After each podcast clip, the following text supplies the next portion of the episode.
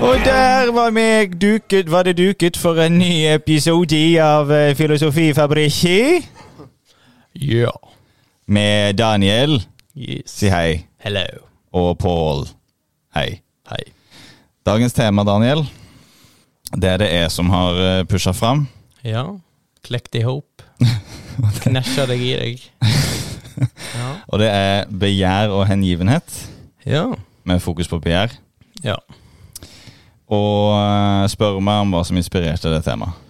Hva inspirerte temaet? Det er veldig bra at du spør. Eh, det som inspirerte det temaet, var en bok skrevet av eh, din franske forfatterinnen eh, Annie Ernaux, Ah. som heter Passion simple, som er et eh, ordspill eh, på fransk.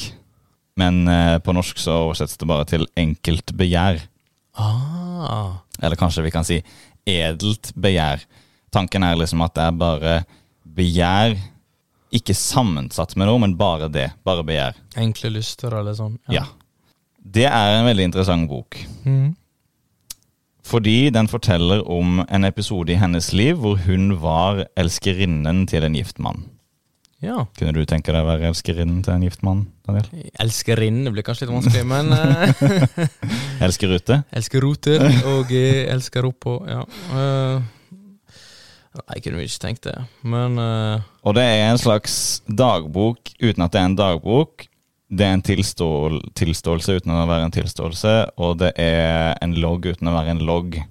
Den gjenforteller det hun opplevde, helt uapologetisk, og det er bare det der. Mm.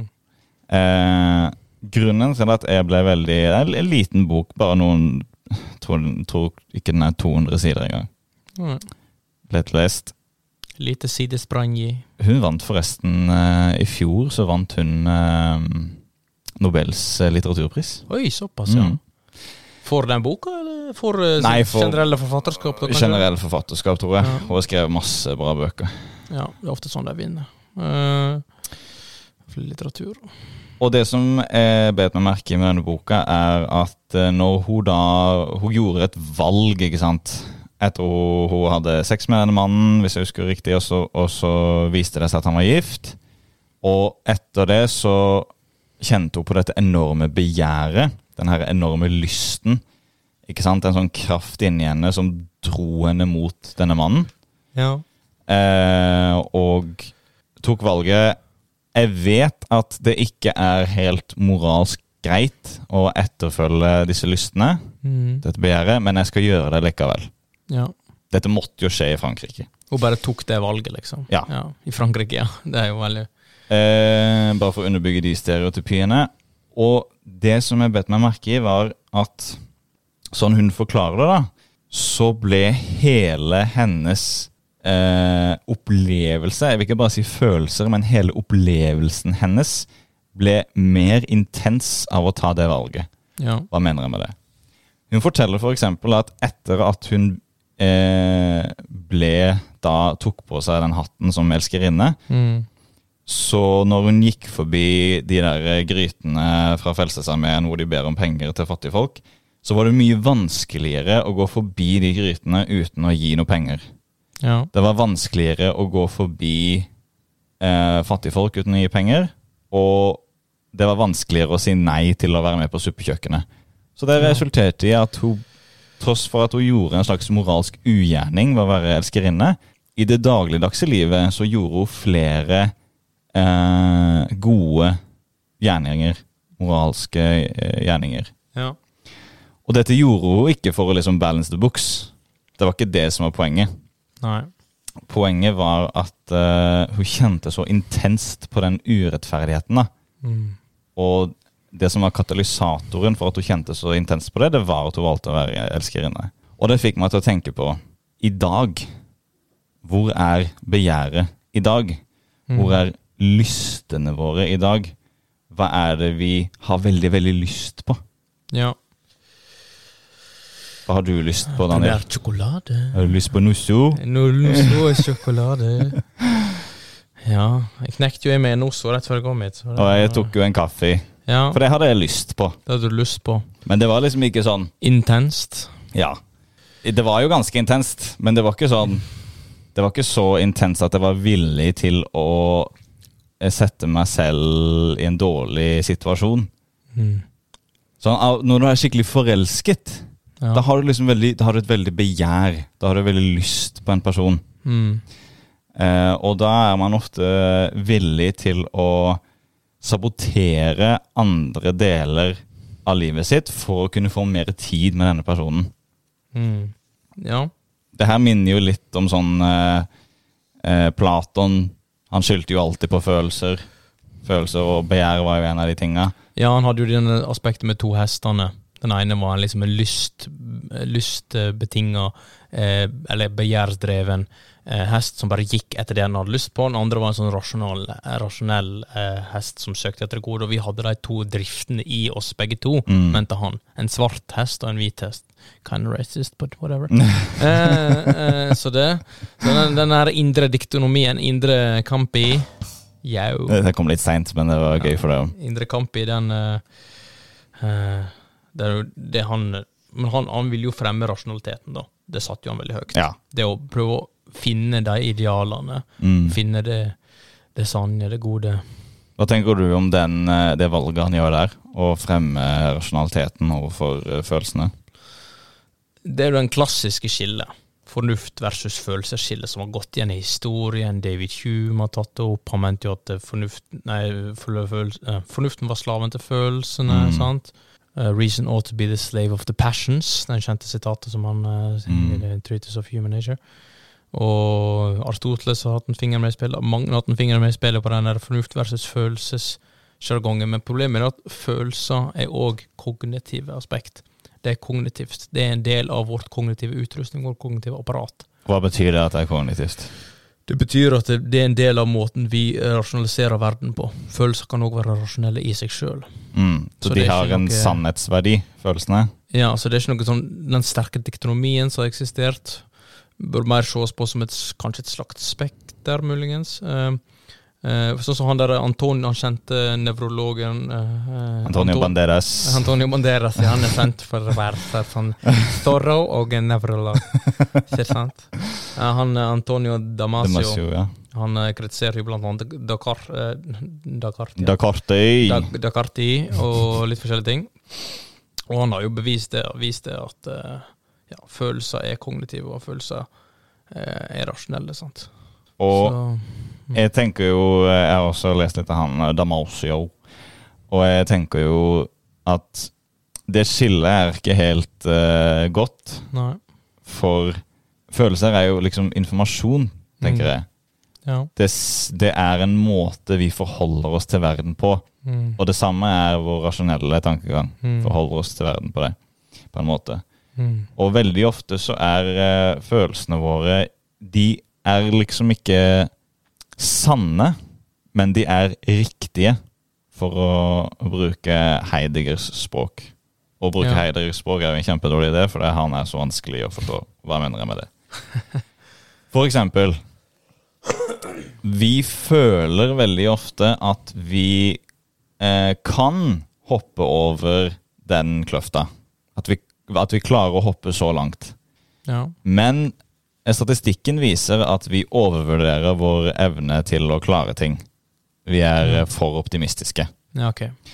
Men eh, studier viser også at hvis du har den optimistiske holdningen, så er det større sjanse for at du klarer det, enn hvis du har en negativ handling, holdning.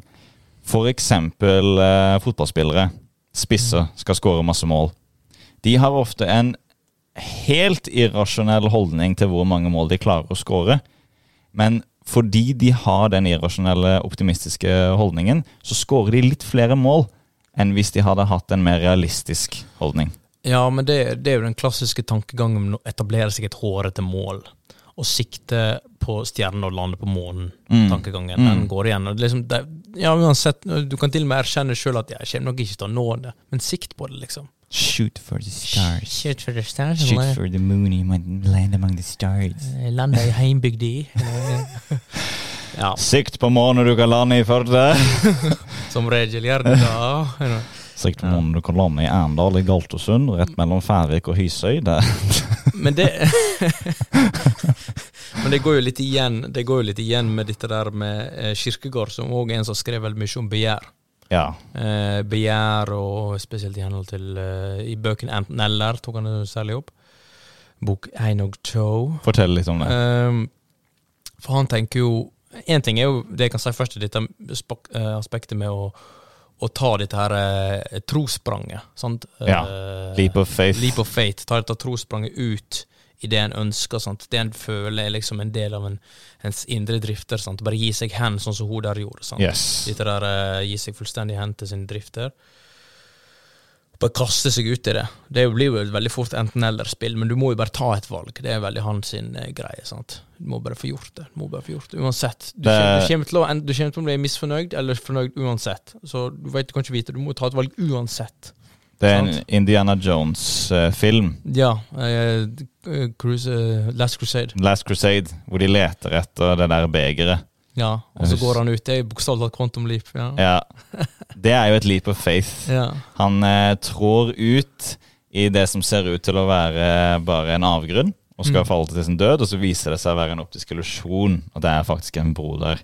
Mm. Og han kommer seg bare over ved å ta et sånn leap of faith. Mm. Og på et vis er det det samme som hun eh, Annie Ernaux gjør, bare en mye mindre dramatisk eh, versjon. da. Eh, Men en mye mer realistisk. Hun tar et tosprang ikke til denne mannen, men til sitt eget begjær. ja. Det er nettopp det. Det syns jeg er interessant. Til sitt eh, Og det der hengivenhet kommer inn. Trosspranget representerer hengivenheten hennes. Det som på engelsk kalles dedication. Ja, At hun gir seg hen til begjæret sitt. ja. Hun kjenner et begjær som drifter henne som denne hesten i en viss retning, Mm. og så setter hun seg rett og slett bare fullt og helt på den hesten. Mm. Og den eh, andre hesten, det, rasjonalitets... Altså, hun holder liksom ikke reimen engang til den hesten. Den får Nei. bare kjøre sitt eget løp. Ja, for du, ja, ok, men da tenker du at det, det er irrasjonelt det å gjøre? Ja? Er det fullstendig irrasjonelt, eller? Hvis vi skal liksom følge Platons oppskrift, så vil jeg si ja. Det er irrasjonelt. Eh, men det betyr ikke at det er feil. Nei. Eh, nei, nei, nei, for jeg tenker jo at det, jeg tror ikke det er Nå skal jeg ikke si at folk skal gå ut og ha sidesprang i, men, uh, uh, men det, er jo, det er jo egentlig Det er ikke 100% irrasjonelt. Fordi at det, Hvis du tenker at hvis du hadde vært med den fyren, den mannen som er villig til å ha et sidesprang i sjøl, Mm. så er det kanskje en grunn til det, at kanskje de heller bør være i lag enn at han er ulykkelig i, eh, i sitt forhold, og hun er ulykkelig nå, ikke er med han. Det er jo noe det er jo en, sant en i det. viss logikk der. Ja. Det er jo noe sant i det. Ja. Det er ikke særlig moralsk eller nobelt, det Nei, han det er gjør. kanskje ikke det. Men det er noe sant i at han kjenner også på disse lystene og disse, dette begjæret for henne. da. Ja. Eh, og han, istedenfor å undertrykke det, velger å gi etter for det, han også. I mindre grad enn henne. For hennes begjær er jo litt ekstremt. Det var så sterkt ønsket hennes om å gjøre et godt inntrykk at hun lot han aldri se henne i det samme antrekket to ganger. Mm. Hun hadde alltid kjøpt en ny kjole. Hadde alltid en ny skjorte eller en ny bukse. Hadde alltid noe nytt å vise ham. Alt var på stell i Og det var alltid yndlingsølen hans i kjøleskapet. Eh, når hun fikk telefonen fra han For det her var jo på 90-tallet, ikke sant? Det var jo ikke noe eh, Facebook-ski og SMS-ski. Det var bare telefon fra telefonkiosk. Ja. Og hun hørte stemmen hans i den andre enden. Så opp, beskriver hun det som at liksom hele tilværelsen hennes lyste opp. ja. Og hev seg rundt for å rydde leiligheten på de 30 minuttene. Hadde alt klart til han. Liksom litt mat, snacks og ølen hennes. Og det ble jo aldri drukket, fordi de kasta seg bare rett inn på soverommet. ikke sant? ja, altså alt gikk i hundre år, om andre år. Ja. Det var skikkelig lidenskap. Eh, Skikkelig, skikkelig lidenskap. Så da får vi til uh, dette med Du kan jo komme tilbake til Kirkegård her, egentlig, med han, hans sin eh, eh, forklaring om begrep, eh, begjærets stadier. Eh, altså ikke stadig sånn først er det den ene, så er det den andre, så er det den tredje. Ikke sånn stadig. først uh, kysse litt, og så skal vi Sett litt på hverandre. beis i andre basar. Nei. nei Hør er her, jenta sånn- mi. Stadie nummer én. Er du klar? Er du klar? For det er Har du oppvarma? Nei, eh, nei, så det, det er mer sånn eh, Det er mer som en metam metamorphosis Ja. i dette der kvantesprang, på en måte. Sant? Du kan tenke deg at det er bokstavelig talt et sidesprang. Altså du går faktisk Du, du må liksom eh, Altså Hvis du skal gå inn for det, så, må jeg antar at hun tenkte at hvis jeg skal gå inn for det, så må jeg gå, gå inn med det med hele meg. Jeg må gå all in. Mm. Og det hadde sine Mm. sideeffekter. Eh, så, mens det han, han tenker på det første stadiet, da, uten å tenke første, andre, tredje, da, men det ene stadiet er jo eh, begjær om noe generelt. Og det høres litt Mm. eh, tørt og kjedelig ut, men eh, det kan jo generelt eller universelt, og kan jo være det spakt, uh, trenger ikke være retta mot noe, okay. men retta mot en generell greie. som at uh, en, en sånn person har ønske å være i et forhold, for eksempel. Det er en generell ting. Det er ikke retta mot en person. Nei, ja, ja. mot eh, ja, ja. Og Det er litt mer sånn abstrakt. Jeg har lyst på én kjæreste, men jeg vet ikke hvilken det skulle vært. Nei, og så er, det, så er det spesifikt. Spesifikt. Altså det motsatte. Da er det retta mot en person. Hun har lyst på Ja. akkurat den personen. Sant? Ja. Det er retta mot enten en person eller et objekt. Du har akkurat, lyst på Nidar-sjokolade akkurat nå. Altså, sant? Spørsmål. Ja. Jeg rekker opp en hånd. Har, eh, da ser jeg for meg at eh, det er veldig naturlig å tenke at for å få, ha et spesifikt eh, ønske, et spesifikt begjær, så må du ha et generelt begjær. F.eks. hvis du skal ha ønske om å ha eh, Daniel som kjæreste, så må Mm. du ha ønske om å ha en kjæreste generelt. Men det stemmer kanskje ikke.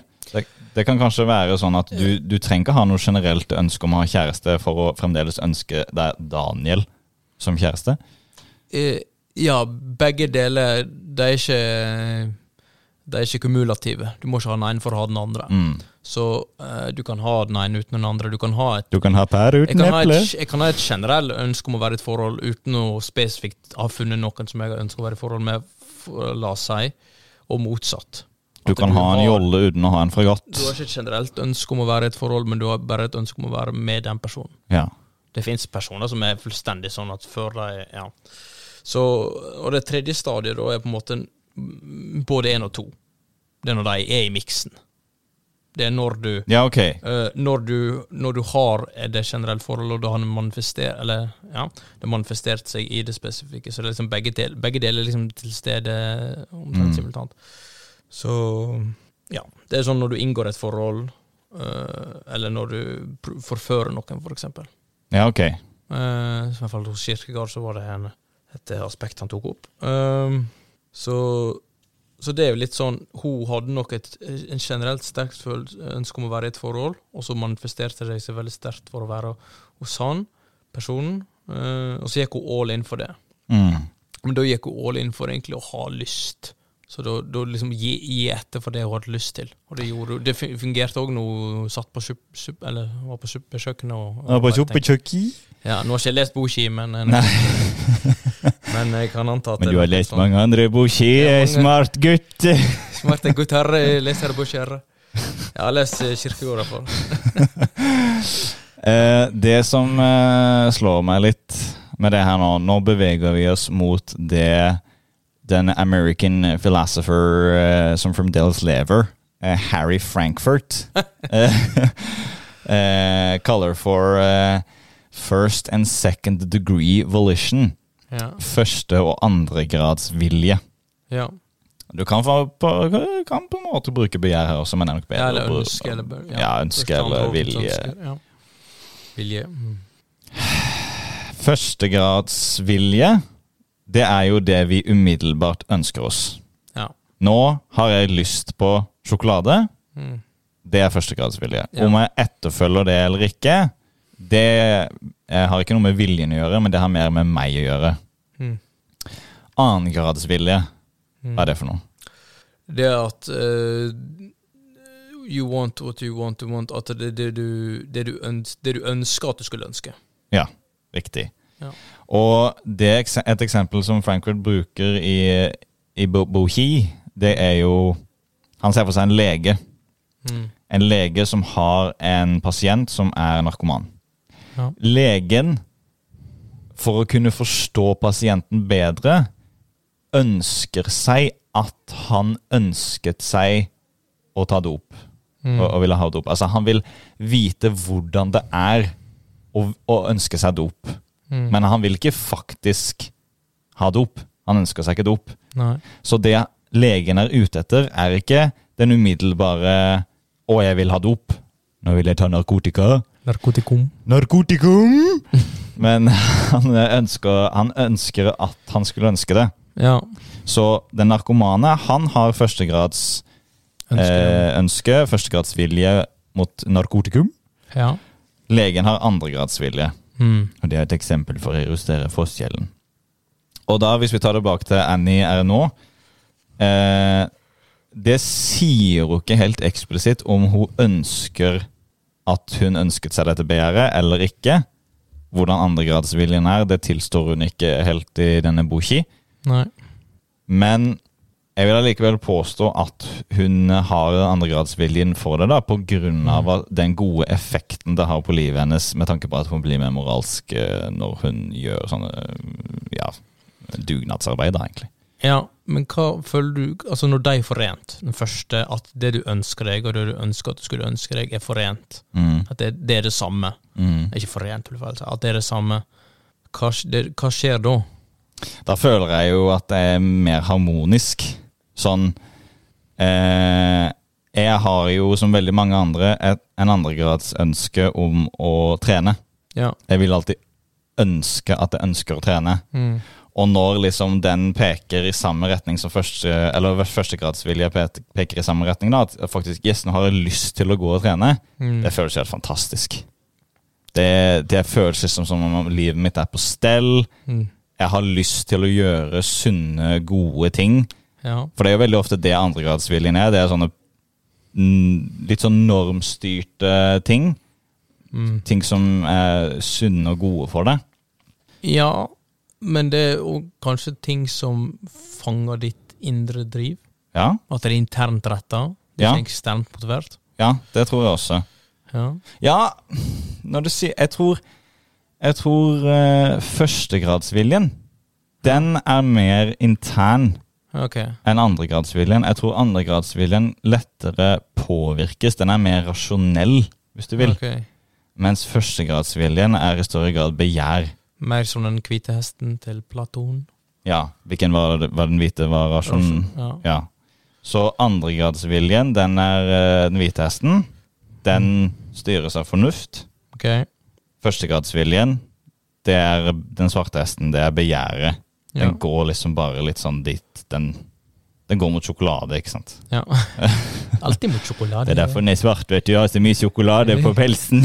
It's fucking racist. Anyway. Uh, nei, så Da har du blant andre. Han uh, Bertrand Russell mente, han mente jo at eh, begjær var en god ting, men han la vekt på at ens eh, egne ønsker og lidenskap Han skulle følge ens egne ønsker og lidenskaper sånn à la det hun gjorde, men at det kan være problematisk når det ble overdrevet.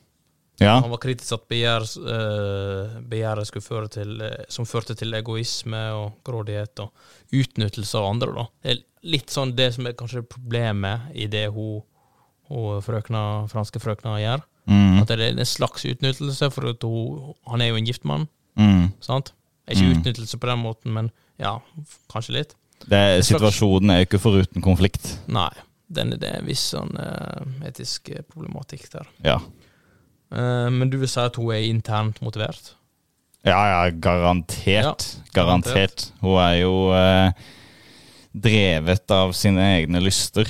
Og alt som liksom hun har lært, og hva man skal gjøre og ikke skal gjøre, og etikk og moral og fornuft, det legger hun til side. Og kaster seg bare, som sagt, på den svarte hesten og spranger i av gårde i den retningen. Ja.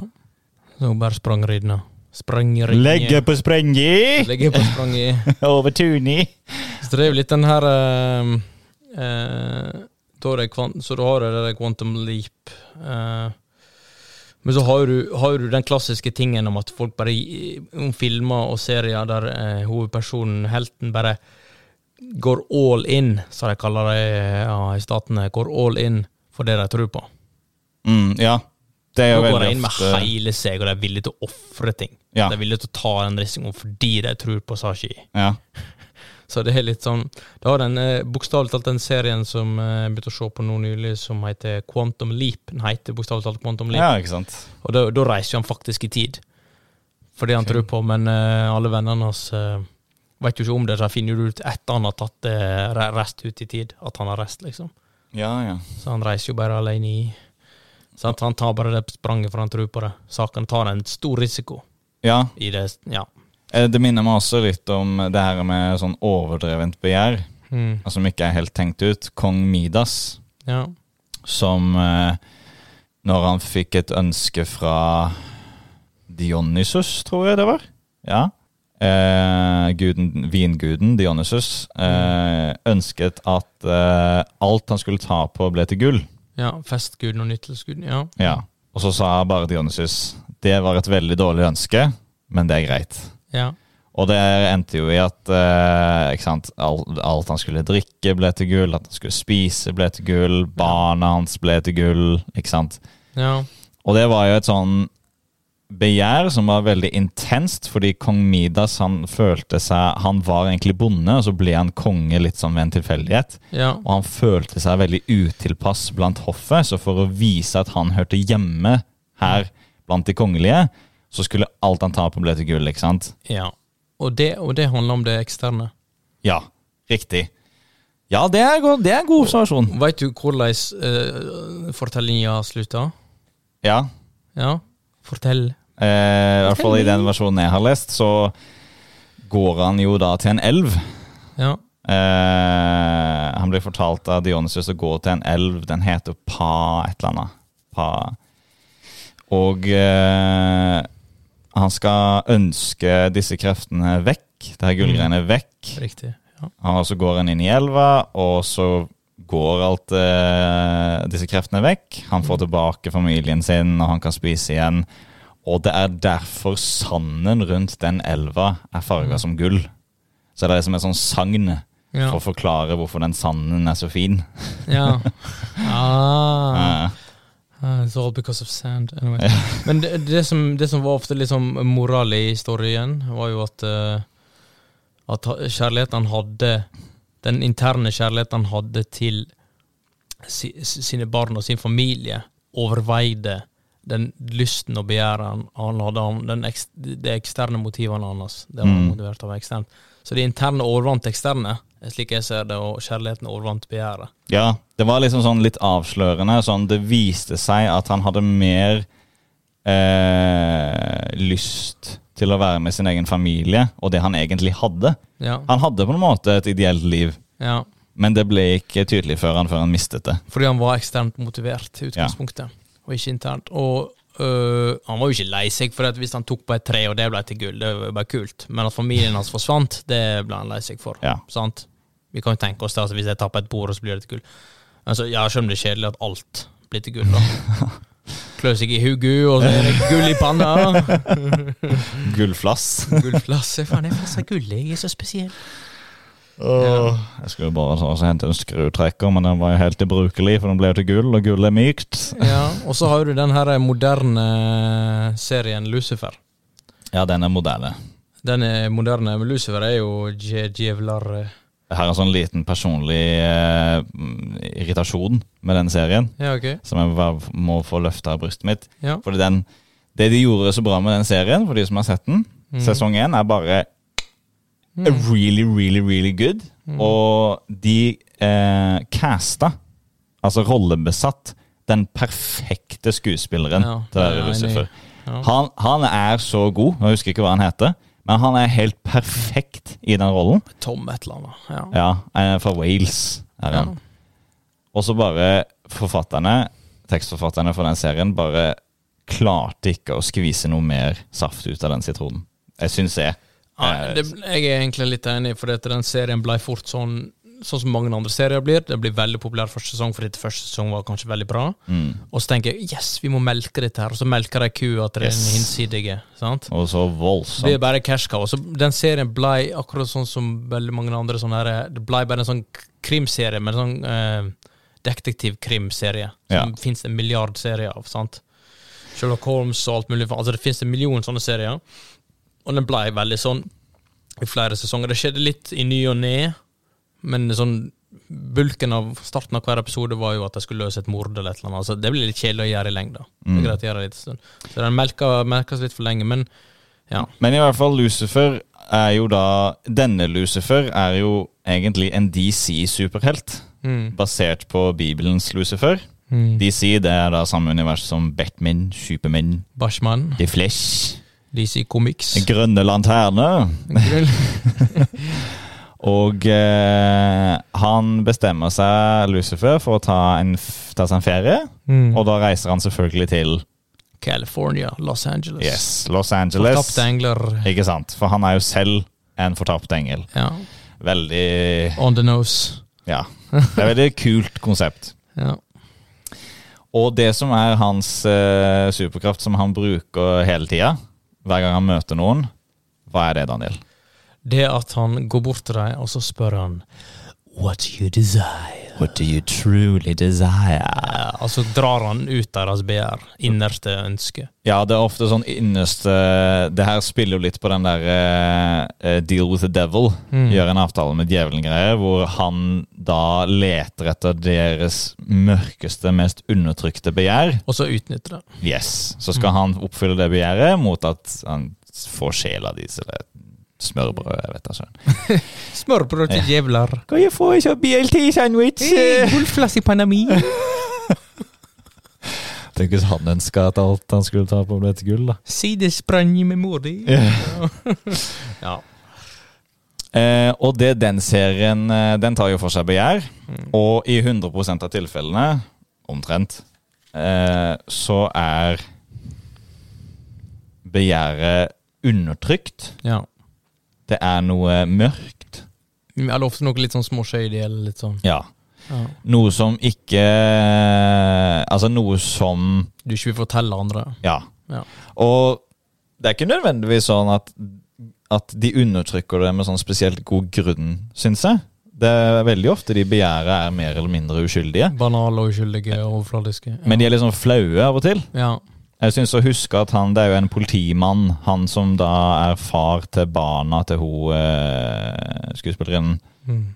eh, som er liksom Lucifers motpol. En politikvinne som alltid er ærlig og redelig og gjør det beste hun kan. Eh, den politimannen han har en sånn helt sånn banalt begjær, sånn han skulle ønske at eh, Det var litt sånn flaut eh, at han fikk mer pupp når han var liten, eller noe sånt Ja. et eller annet sånn litt flaut og teit, men det er jo ikke noe farlig, men han har undertrykt det. ja. Og det eh, er jo litt av den kristne arven vi har i Vesten, at vi skal undertrykke disse begjærene våre, som igjen sikkert kan spoles litt tilbake til Platon og Aristoteles. At lystene våre, den sorte hesten, den er per definisjon ond, Ja. eller umoralsk. ja.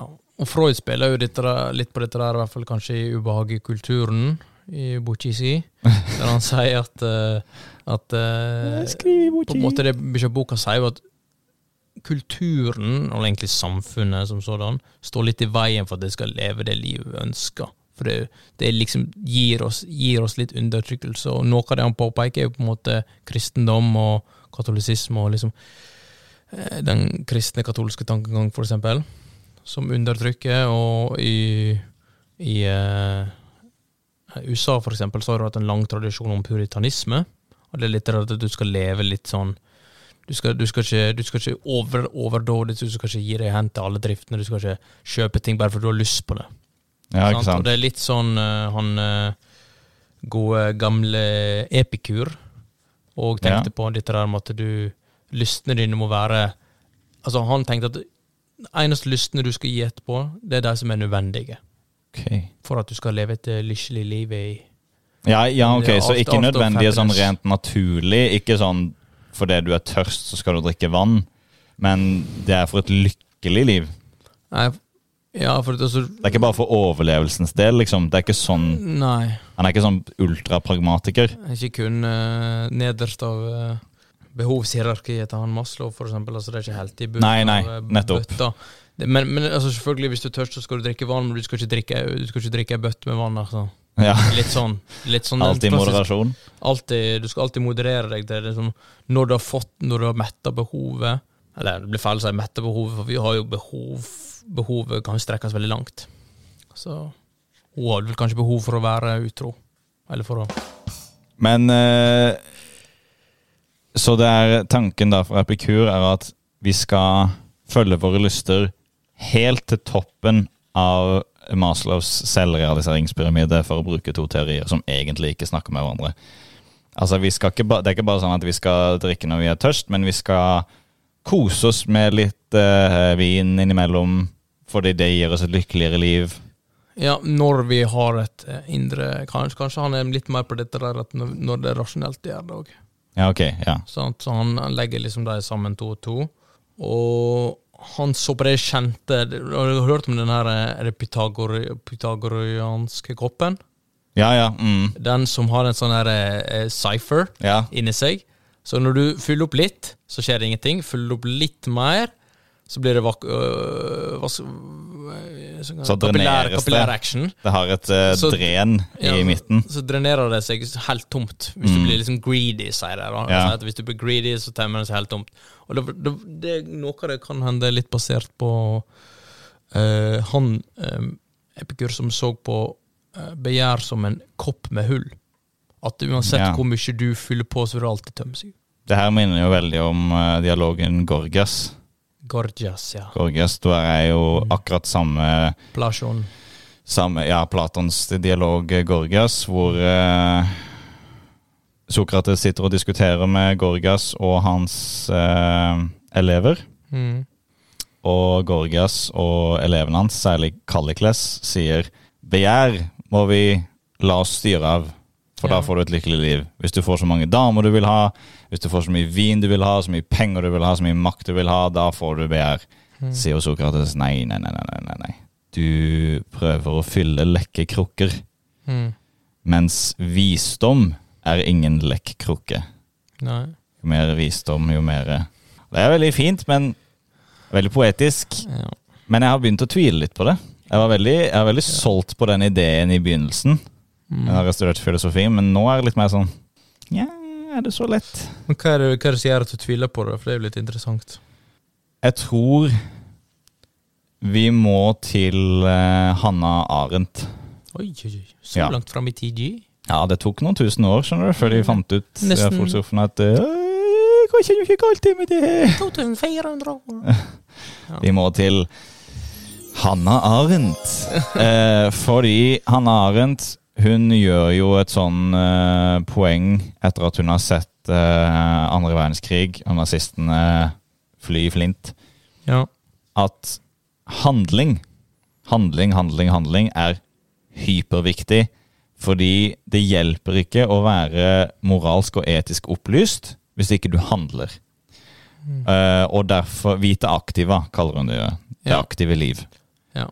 Eh, så hun, hun setter liksom det aktive liv som et moralsk gode i seg selv. Det er bedre å være aktiv og litt eh, uopplyst moralsk sett, enn å være superopplyst eh, på etikk og moral og bare ja, sitte på sofaen og spise boller. Ja. Eller Kiwi. Men det går jo litt på den klassiske tanken. Hun mente jo det at vi skal på en måte være Ja, er to ting hun høyner opp veldig mye. Det er jo individualitet og frihet. Mm. Eh, eh, ja. Frihet til å, til å, til å ytre, ytre seg sjøl, og individualitet nok til at den, den eventuelle ytringa ikke er produkt av et konformt samfunn.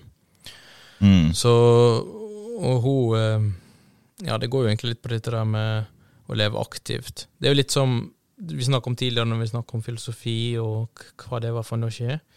Så er jo det Altså, jeg tenker på det Du kan tenke på det litt som å studere fotball.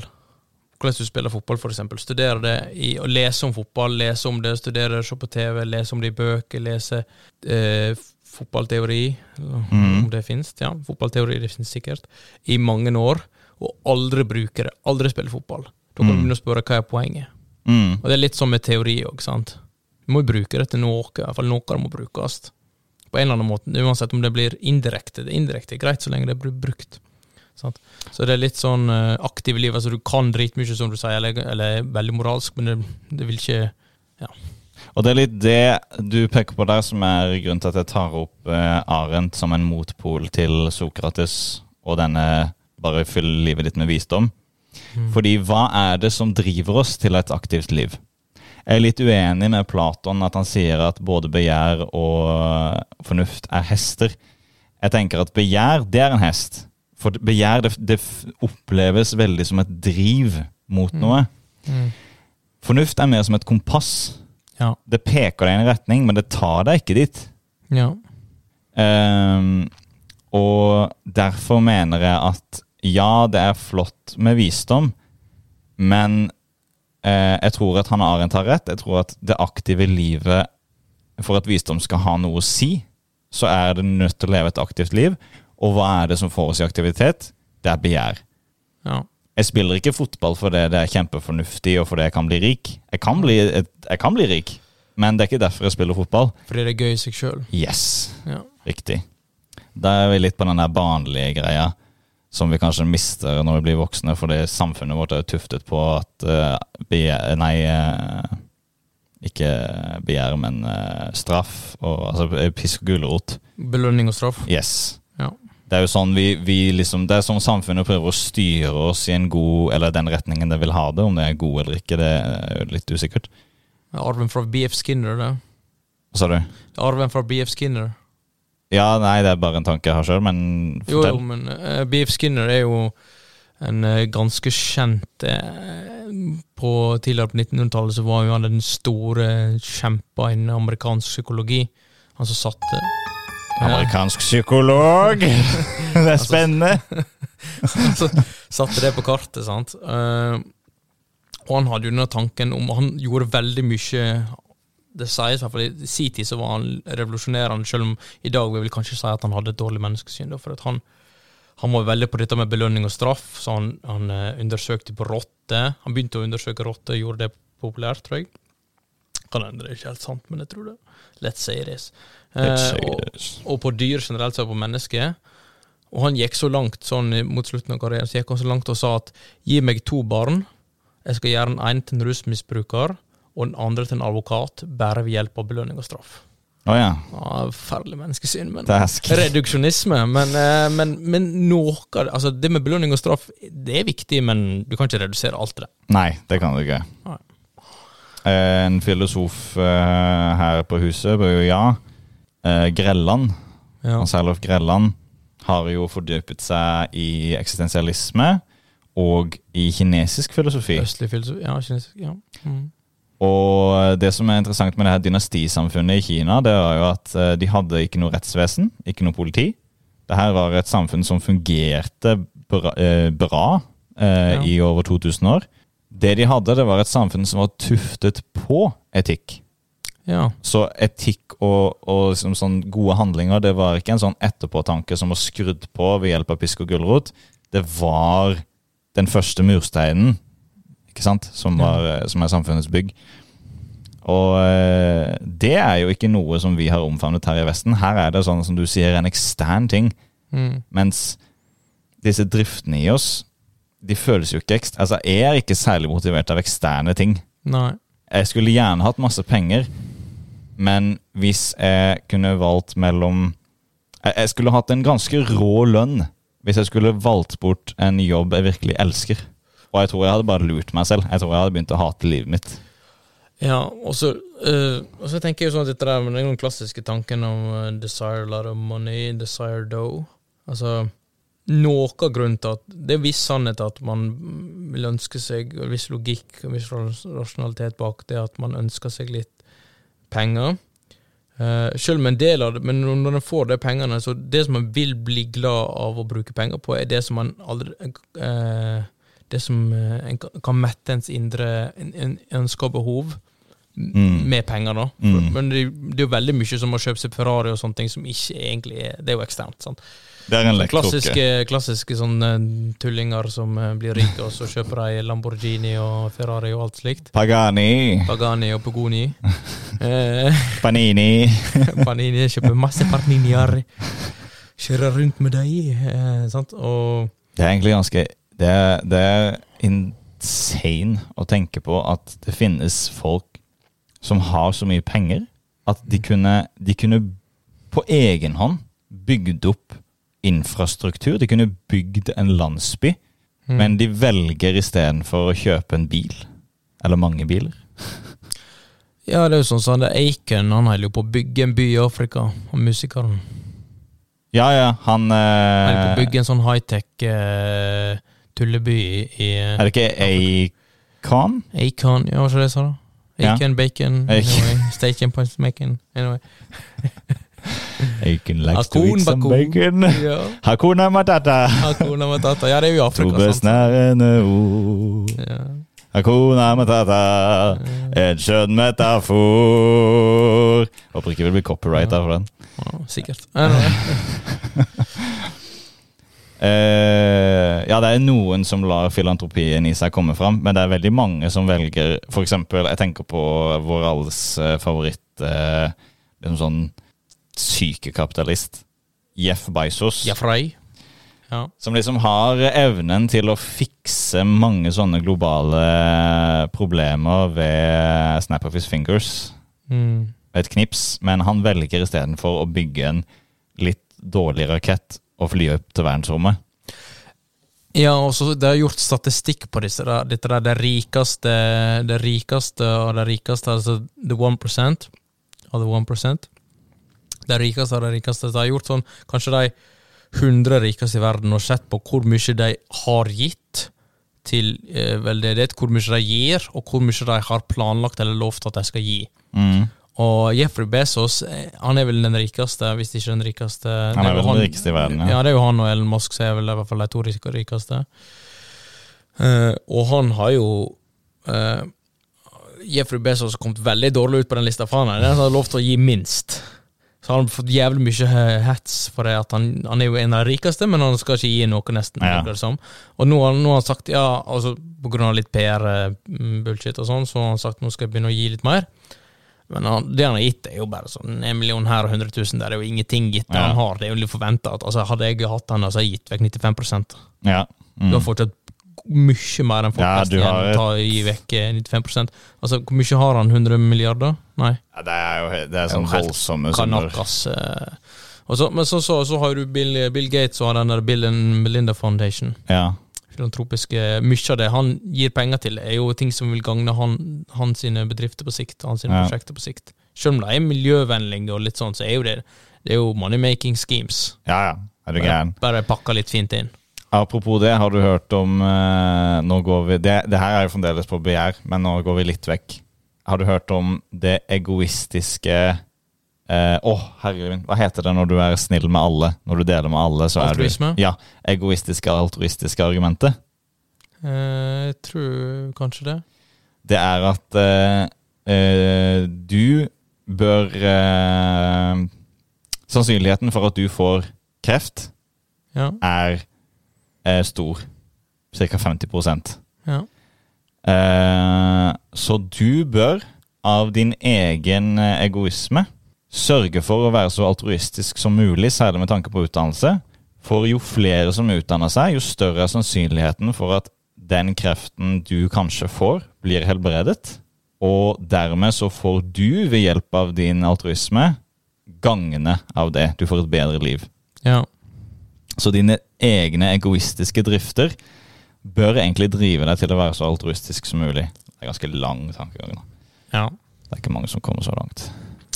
Nei, det er jo litt sånn her eh, Det var jo sånn joke i Friends òg, altså du kan ikke gjøre noen som ikke er egoistisk, sa han der Joey. Uansett om du har lyst til å hjelpe andre, så har du kun lyst til å hjelpe andre av at du vil føle deg bedre. Ja, Så det er du liksom kan ikke you're never a slave, og så prøvde hun der Phoebe, og sånn yeah, but I can't try it.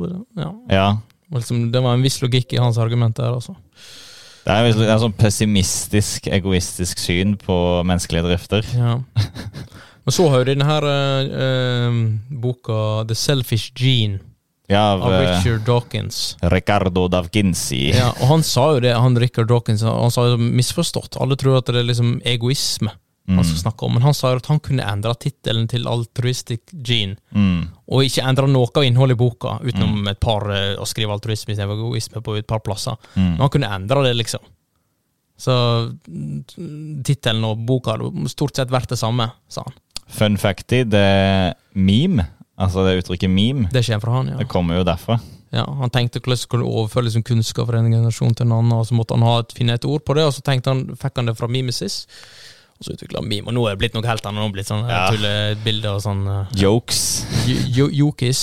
Nå er det jo på en måte gått sånn full circle, og så har det blitt For før så var det jo en meme Det var liksom en gjenkjennbar ting i, ofte i et bilde med litt tekst på. Som du liksom, det var en inside joke som var veldig stor, da.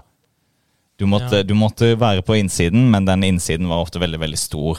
Det var ikke liksom bare din vennegjeng. det var En internasjonal kultur. Mens nå er det bare blitt um, Jeg tenker på liksom tegneserier. Det er bare blitt sånn tegneserier sånn som på siste siden i avisa. Ja, det har bare blitt eh, det vitserier.